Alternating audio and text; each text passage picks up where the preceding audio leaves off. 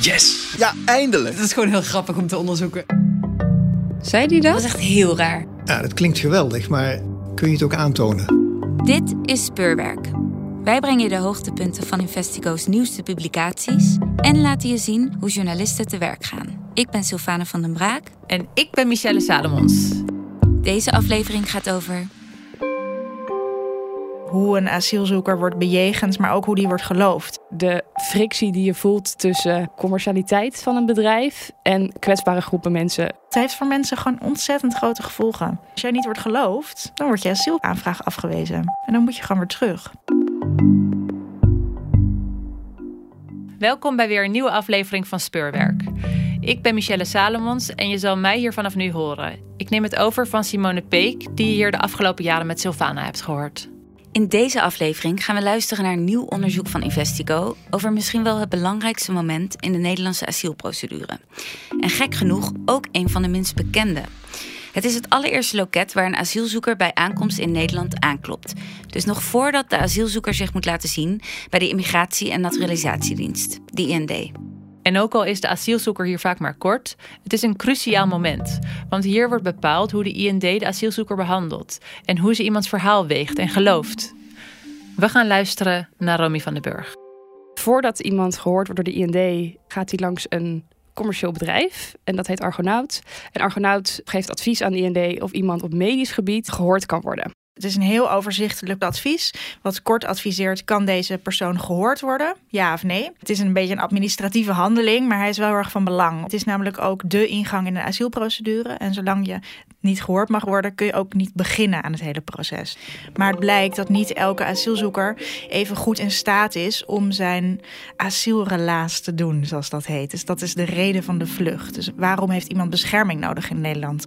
En omdat niet elke asielzoeker even goed kan vertellen over zijn of haar vlucht, beoordeelt het bedrijf niet alleen of iemand in staat is om te vertellen over de vlucht, maar ook hoe de IND iemands vluchtverhaal moet wegen en op welke manier ze de asielzoeker het beste kan ondervragen. We hebben gekeken naar hoe dat bedrijf het aanpakt, hoe het eigenlijk uitgekleed is door de afgelopen jaren en waarom het eigenlijk nog bestaat.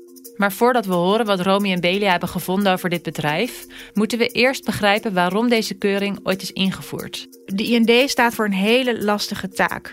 Die moet iemand die in het verhoorkamertje zit en die moet vertellen wat hij heeft meegemaakt. Zij moeten op basis, voornamelijk eigenlijk op basis van het verhaal van diegene, besluiten: mag iemand blijven of niet? Is iemand echt gemarteld of niet? Is iemand echt gevlucht vanwege de politieke situatie? Loopt hij echt gevaar? Of heb ik gewoon een chageraar voor me die denkt: nou, moi, ik wil graag wel even naar Nederland komen. Dat verhaal van asielzoeker, dat is toch wel de kern van waar de IND op moet beoordelen. Heel veel bewijs voor het verhaal hebben asielzoekers vaak niet bij zich. Ze hebben geen videomateriaal van hoe ze werden gemarteld. Ze hebben geen uitingen van doodsbedreigingen op papier die ze kunnen meenemen. En om te controleren of iemands verhaal klopt, checkt de IND het verhaal van de asielzoeker op drie punten. Daarvan wordt verwacht dat hij consistent, coherent en compleet kan vertellen over de reden van zijn vlucht. Ja, de IND bepaalt aan de hand van die drie criteria of iemand een verblijfsvergunning kan krijgen, of iemand dus coherent, consistent en compleet kan verklaren. Maar bijvoorbeeld trauma of psychische problemen hebben gewoon heel grote invloed op die drie C's, omdat je dat juist vaak niet kan door trauma.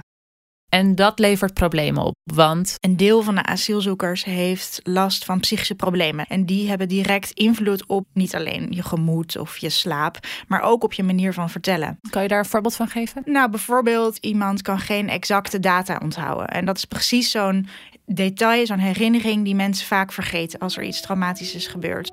Of dat ze bijvoorbeeld bij grote verkrachting kunnen ze zeggen: ja, er waren zes daders. En de dag daarna zeggen ze zeven. Omdat dat niet de dingen zijn die je onthoudt vanwege trauma. Je ziet bijvoorbeeld bepaalde kleuren van de muur onthoud je. Maar vaak weet je exacte dingen, weet je niet. Voor de IND is dat een inconsistentie. En een, misschien wel een reden dat iemand liegt. Terwijl misschien is de reden wel dat iemand zulke heftige psychische problemen daar heeft houden. Dat hij dat niet heeft onthouden. Want dat is ook een beetje hoe je brein werkt. Bepaalde details onthoud je. Andere details, zoals hoeveel daders waren er, ja, dat, dat onthoud je niet.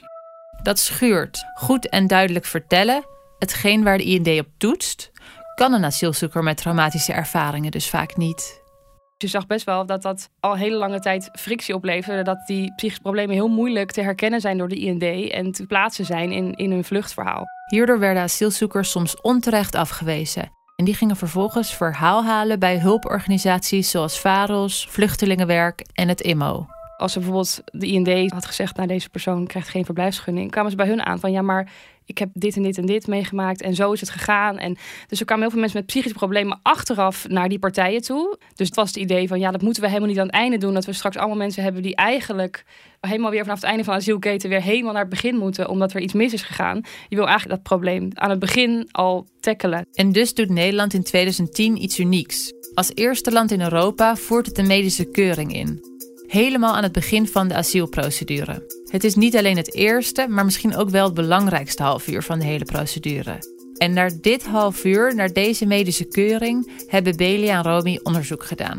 En die keuring wordt uitgevoerd door een extern ingehuurd bedrijf. Dit bedrijf gaat kijken wat zijn de beperkingen die van invloed kunnen zijn op hoe je vertelt. En ook welke gevolgen heeft dit voor de manier van vertellen. Dus hoe moet de IND er rekening mee houden in het besluit of iemand mag blijven of niet. Het was bedoeld om de asielzoeker met problemen te helpen, ja, bij te staan. En is dat dan gelukt? Nee, het is eigenlijk niet gelukt. Het onderzoek hiernaar was niet meteen makkelijk. Je gaat iets onderzoeken waar je zelf nooit bij kan zijn. Dus je hebt echt een soort black box. Want je wil eigenlijk onderzoeken hoe gaat zo'n medisch onderzoek in zijn werk en hoe neemt de IND dat mee in, zo'n, in het gehoor en in het besluiten. Dat zijn drie momenten waar je nooit bij kan zijn. Dus de enige manier om dat te onderzoeken is dat echt vanuit alle kanten benaderen. Ze begonnen met het bellen van asieladvocaten en psychologen en kregen zo een stapel medische adviezen in handen. Wat ons opviel is eigenlijk dat die adviezen vrij beperkt zijn. We hebben veel complexe zaken gezien. En het viel ons op dat er toch wel heel veel dezelfde zinnen in staan. Hun adviezen zijn echt alleen maar langzame vragen stellen. Uh, last mogelijk extra pauzes in. Glaasje water. Stel simpele vragen waarop de betrokkenen een simpel antwoord kan geven. En als het echt niet anders kan, verdeel het over twee dagen. Waar het vaak aan schort, is dat er vaak geen advies wordt gegeven over hoe bepaalde psychische problemen van invloed kunnen zijn op de manier van vertellen. In veel gevallen die wij hebben gezien, zat precies die instructie er niet bij. En bleef het dus bij een glaasje water. Langzaam praten. Ja, langzaam praten kun je doen tijdens een gehoor. Maar welke gevolgen hebben die psychische problemen dan voor zijn manier van vertellen? En op welke manier moet de beslismedewerker hier rekening mee houden? En dus was Belia benieuwd wat deze beslismedewerkers van de IND eigenlijk aan dit document hebben. Ik heb vooral ouds-IND-medewerkers gesproken om gewoon te horen hoe ga je te werk, wanneer lees je zo'n advies. En die zeiden dat ze altijd keken naar dit document. Het is een van de, een iemand zei het is zelfs een van de hoofddocumenten. Het kon ook echt veel gewicht geven. Dus één iemand gaf het voorbeeld, als wij zagen er zijn littekens te zien, dan was dat echt een signaal voor diegene om in het gehoor daar rekening mee te houden. Maar in de praktijk, zeiden de meesten, was het gewoon heel sumier. Dat het advies vaak zo sumier is, vinden Romy en Belia ook terug in de tientallen rechtszaken die ze doornemen. We hebben een zaak gelezen van een vrouw uit Liberia die volgens um, het medisch advies geheugenproblemen had en Parkinson. Geheugenproblemen. Dat is een duidelijk signaal dat ze zich niet alles kan herinneren. In het advies werd met geen woord gerept over hoe de IND-medewerker dat moet meenemen in zijn besluit of iemand mag blijven of niet. Haar asielaanvraag werd dus afgewezen. En hoewel deze adviezen voor de asielaanvragen heel belangrijk zijn, doet de IND het niet zelf. De IND um, doet elke vijf jaar een aanbesteding waarin ze proberen de beste partij te vinden die dit advies kan uitvoeren. En dat wordt gedaan door een commercieel bedrijf, wat inmiddels is overgenomen door een grote private equity uh, investeringsbedrijf. En dat bedrijf heet Argonaut. Argonaut die wil echt graag marktleider zijn op alle gebieden. Dus dat betekent dat ze van alle wetgeving wat af willen weten, dat ze overal advies over kunnen geven. Dit medisch advies voor asielzoekers zien zij dus ook niet als een unieke of een extra complexe opdracht de directeur van het bedrijf, Rihanna van Dam, die zei: Ja, we hebben wel meer doelgroepen met problematiek. Ze maken bijvoorbeeld geen onderscheid tussen een asielzoeker of een medische keuring doen voor iemand die een traplift nodig heeft. Of iemand die uh, in de participatiewet zit en daar PTSS ervaart, zeggen ze PTSS is BTSS. Of het nou een asielzoeker is of iemand in de participatiewet, het is eigenlijk hetzelfde. Volgens Van Dam van Argonaut, die zegt, nou ja, onze specialisten zijn juist erop getraind om mensen een verhaal te laten vertellen. En je onderschat ze als je denkt dat, dat ze dit niet bij asielzoekers zouden kunnen. Het idee is, als mensen overal iets van afweten, zijn ze multi-inzetbaar. Zij leiden ook mensen generalistisch op zodat nou, als er wat minder opdrachten komen uit de WMO, bijvoorbeeld door de coronacrisis, en er is een enorme toestroom in asielzoekers, dan kunnen we gewoon een deel van de verpleegkundigen het werk bij de asielzoekers laten doen. Efficiënt en voordelig. Wat je heel erg ziet is dat dat commerciële karakter. We doen één ding en dat kunnen we overal op toepassen. En doordat we het overal op toepassen, kan je winst maken. Wil Argonaut inderdaad winst maken met deze strategie? Of klopt het? En is PTSS bij iedereen hetzelfde? Nou, we gingen dit voorleggen aan een expert. Van ja, zij zeggen dit van ja, PTSS bij een asielzoeker. Is dat nou hetzelfde als PTSS bij iemand in de participatiewet? En toen zei ze: nee, natuurlijk niet. PTSS kan je ook krijgen door bepaalde vormen van martelingen die alleen in bepaalde culturen voorkomen. En toen gaf zij bijvoorbeeld het voorbeeld van falaka. Dat is een uh, bepaalde vorm van marteling. En dat is dat iemand hele lange tijd op de onderkant van zijn voeten heel hard geslagen wordt. Waardoor je geen littekens ziet, maar waardoor iemand heel moeilijk loopt. Dus als je dan getraind bent in weten dat iemand uit die cultuur komt en op een bepaalde manier loopt, kan je denken, hé, hey, dat kan Falaka zijn. Maar als jij gewoon breed opgeleid bent in PTSS, dan herken je dat soort dingen niet. Dus ze zei, dat zijn gewoon hele belangrijke dingen waardoor je weet dat PTSS bij een asielzoeker gewoon echt iets anders is in die afgelopen kleine 15 jaar dat dit nu bestaat, is dit wel flink afgekalfd. Waar het begon met mensen die een deel van hun opleiding specifiek hadden moeten volgen op het gebied van medische problematiek. Waar de verpleegkundigen een HBO-opleiding voor nodig hadden, zijn we nu op een punt gekomen waarin het vooral MBO-opgeleide verpleegkundigen zijn zonder specifieke medische opleiding waar de IND nog eiste dat de verpleegkundige vroeg naar het bestaan van littekens, wat een signaal kan zijn dat iemand misschien is gemarteld, doet Argonaut dit ook niet meer. Argonaut zegt, ja, wij doen niet aan waarheidsvinding. Dus ja, dat litteken, misschien ben je wel gevallen van de stoep, weten wij veel. Dus wij gaan hier niet naar vragen, is niet relevant.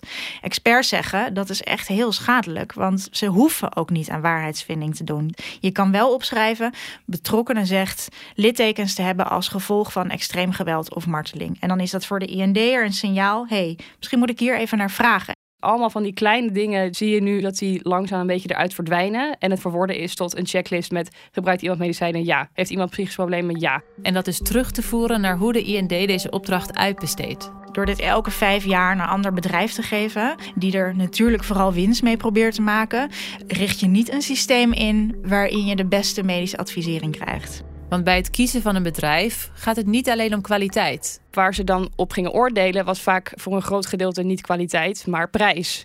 Dus dan werd prijs veel belangrijker dan de kwaliteit. En dan krijg je dus al snel dat er alleen maar commerciële bedrijven denken dat er brood in te verdienen is. Want de partijen die wij spraken, die echt expertise hebben op dit gebied, die zeiden ja, wij doen eigenlijk niet mee met deze aanbesteding, omdat je kan dit niet zo kort en zo snel en zo goedkoop doen. Daarmee doe je eigenlijk het idee van het advies geen recht aan. Maar ondertussen hebben deze adviezen wel enorme invloed. Ja, je ziet best wel vaak dat er dan staat: iemand kon niet coherent verklaren of de data klopte niet. Dus we geloven het verhaal niet, wordt ongeloofwaardig geacht. Iemand krijgt geen verblijfsvergunning. Bijvoorbeeld? Er was een man uit Gambia en die was ongeschoold. Dus het advies van Argonaut was rustig benaderen, langzaam vragen stellen. IND heeft langzame vragen gesteld en kreeg er geen drie C's uit. En dat is ook niet zo gek. Een coherent, consistent en compleet verhaal is best wel moeilijk met iemand die het IQ heeft van iemand van zeven. En op het moment dat je over die psychische problemen en de beladen gebeurtenissen, die wel worden genoemd in het advies, verder geen echt advies geeft over hoe je die IND dit moet meenemen in het besluit of deze man bescherming krijgt in Nederland, nou dan verzaak je. Het probleem is nu wat IND doet, is zeggen: ah oké, we gaan nu langzaam vragen stellen. Dus we hebben ons gehouden aan de, het advies. Dus iemand kan coherent, consistent en compleet verklaren. En dat, dat klopt gewoon niet. Je kan niet iemand als een gewoon persoon zien op het moment dat je zegt: oh, we hebben hem rustig benaderd en langzame vragen gesteld. Daarmee haal je niet weg dat iemand ongeschoold is. Oké, dus precies hetgeen wat de IND niet kan, namelijk bepalen of iemand in staat is om te voldoen aan de drie C's, moet in dat advies staan. Maar dat staat er vaak niet in en daardoor trekt de IND soms verkeerde conclusies. Dus het probleem dat asielzoekers onterecht worden afgewezen vanwege een vertroebeld verhaal, dat wat de keuring moest oplossen, dat blijft bestaan. En het wordt zelfs erger. Het lost niet alleen het probleem niet op, het is voor asielzoekers ook nog moeilijker geworden om hun recht te halen. In de rechtbank wordt het advies van Argonaut gezien als een expertrapport. Dus dat betekent dat het soort adviezen heel zwaar wegen in de rechtbank. En de conclusies van Argonaut bijna altijd in de rechtbank overeind blijven staan. Op het moment dat namelijk de huisarts, een psychiater, van die asielzoeker daar iets tegen inbrengt, die heeft een behandelrelatie met de asielzoeker. Dus die wordt op voorhand minder geloofd dan het rapport van Argonaut. Uh, soms worden wel eens externe psychologen ingehuurd. Ook dat wordt heel vaak van tafel geveegd, omdat de rechter zegt: ja, we hebben het rapport van Argonaut al. Die maakte geen melding van psychische problemen, dus ik zie geen reden om te twijfelen daaraan. Maar heel soms grijpt de rechter wel in. Bijvoorbeeld een rechtszaak gelezen van een Russisch gezin dat naar Nederland is gevlucht. Echt zeer ernstig getraumatiseerd. Vader had al in Duitsland twee zelfmoordpogingen gedaan. Zat in Nederland in een psychiatrische kliniek. Had echt zeer ernstige psychische problemen. Zijn asielaanvraag werd afgewezen omdat de IND vond dat hij wisselend en sumier had verklaard over de traumatische gebeurtenissen ja, wisselend en sumier. Dat is precies wat mensen met trauma doen. Dus daarvan heeft de rechter de IND ook teruggefloten en gezegd: ga jij deze zaak maar weer eens eventjes opnieuw doen. Want jullie hebben de medische problemen niet meegewogen in het beslismoment of iemand mag blijven of niet. Dus dit is een onterecht besluit. Ik denk wat ik heel schokkend vind, is dat er in de manier hoe de IND werkt. Namelijk dat er veronderstelling is dat iemand die de waarheid spreekt consistent, coherent en compleet moet vertellen. Dat die veronderstelling heel erg schuurt met de problematiek van asielzoekers met psychische problemen. Dat knelt gewoon. Daar zit een enorme spanning op. En die spanning, dat ze die proberen op te lossen door middel van een vrij oriënterend medisch advies, wat wordt uitgevoerd door een bedrijf wat ontzettend generalistisch te werk gaat en uh, nou ja, dat toch ook een beetje snel probeert te doen. Dat vind ik toch wel heel pijnlijk. Je kan natuurlijk niet elke asielzoeker door een psychiater zien. Dat hoeft ook helemaal niet. Wat je wil van dit medisch advies is dat hij precies die complexe zaken eruit ligt. Als een soort zeef. Dat die eruit worden gehaald en dat die voor verder onderzoek worden doorgestuurd. En precies die taak, dat gebeurt bijna niet. Dit was Speurwerk. Je hoorde Belia Helbron en Romy van den Burg over het belangrijkste half uurtje in de Nederlandse asielprocedure. Nederland was het eerste land in Europa dat deze medische keuring invoerde. Met het idee om asielzoekers met psychische klachten een eerlijke kans te geven op een verblijfsvergunning. Hulpverleners kwamen namelijk veel uitgeprocedeerde asielzoekers tegen, die vanwege hun psychische klachten niet duidelijk konden vertellen over hun vluchtverhaal en daardoor werden afgewezen, terwijl dat niet had mogen gebeuren. En hoewel deze medische keuring met alle goede bedoelingen werd ingevoerd, is het de afgelopen jaren volledig uitgekleed en doet het niet waar het ooit voor bedoeld was. De keuring werd uitgevoerd door een commercieel bedrijf en is inmiddels niet meer dan een snelle, oriënterende checklist. Verpleegkundigen zonder specifieke medische opleiding moeten heel snel belangrijke psychische problemen herkennen. En dat leidt weer tot korte algemene adviezen waar de IND in de praktijk niet veel mee kan. Hoe de IND deze psychische problemen überhaupt moet meenemen, blijft vaak zelfs onbenoemd. Heb je aan deze podcast nog niet genoeg en wil je meer weten over dit onderwerp? Lees dan het hele verhaal in de Groene Amsterdammer en in Dagblad Trouw. En wil je weten welke bronnen Belia en Romy hebben gebruikt? Kijk dan op de website van Investico voor de geannoteerde versie. Wil jij de onderzoeken die in speurwerk aan bod komen steunen? Wil je de onderzoeksjournalistiek van Investico verder helpen? Word dan vriend van Investico. Via de link in de shownote van deze podcast kan je een jaarlijkse bijdrage doen om ons te steunen. Die is fiscaal aftrekbaar. En ook met een eenmalige bijdrage zijn we heel erg blij. Wil jij altijd als eerste op de hoogte zijn van een nieuwe aflevering van Speurwerk? Abonneer je dan in de podcast-app. We bedanken Pepijn Buitenhuis voor de muziek en eindmix. Tot de volgende keer.